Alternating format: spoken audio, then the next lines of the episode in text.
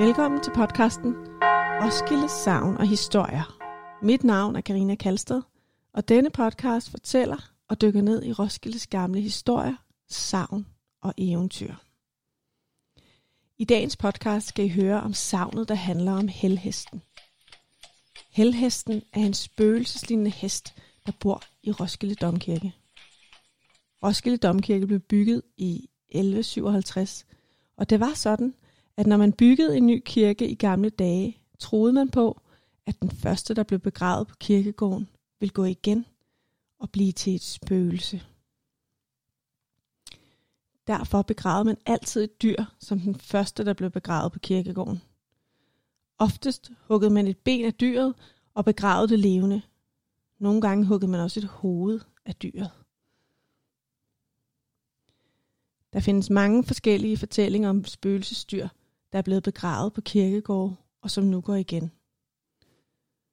I og omkring Roskilde Domkirke er det helhesten, der spørger og siges at gå igen.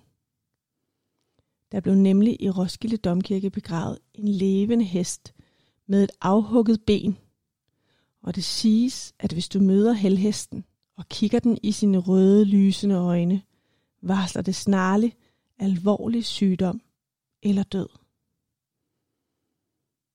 Det fortælles, at en mand en aften gik over domkirkepladsen. Det var mørkt, og det var koldt. Pludselig hørte manden hestehår ved hjørnet af kirken. Manden kiggede derover og så en tynd, sort hest med kun tre ben og lysende røde øjne. Næste dag blev manden fundet død.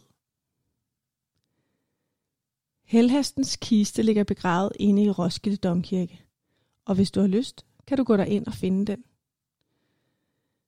Det er en sort sten i gulvet. Når du går ind ad hovedindgangen til domkirken og kommer ind i kirken, drejer du til højre, og her skal du fortsætte ned i bunden af kirken. Måske 30 skridt. Herefter finder du en sort gravsten, og det er herunder helhesten er blevet begravet. Men lov mig en ting, at hvis du hører hestehove på stenene eller en sagte vrinsken, så kig ned og skynd dig væk. Tak fordi du lyttede med til Roskilde Savner Historier. Mit navn er Karina Kalsted, og hvis du har lyst, kan du lytte videre til nogle af de andre historier og savn om Roskilde. Tak fordi du lyttede med.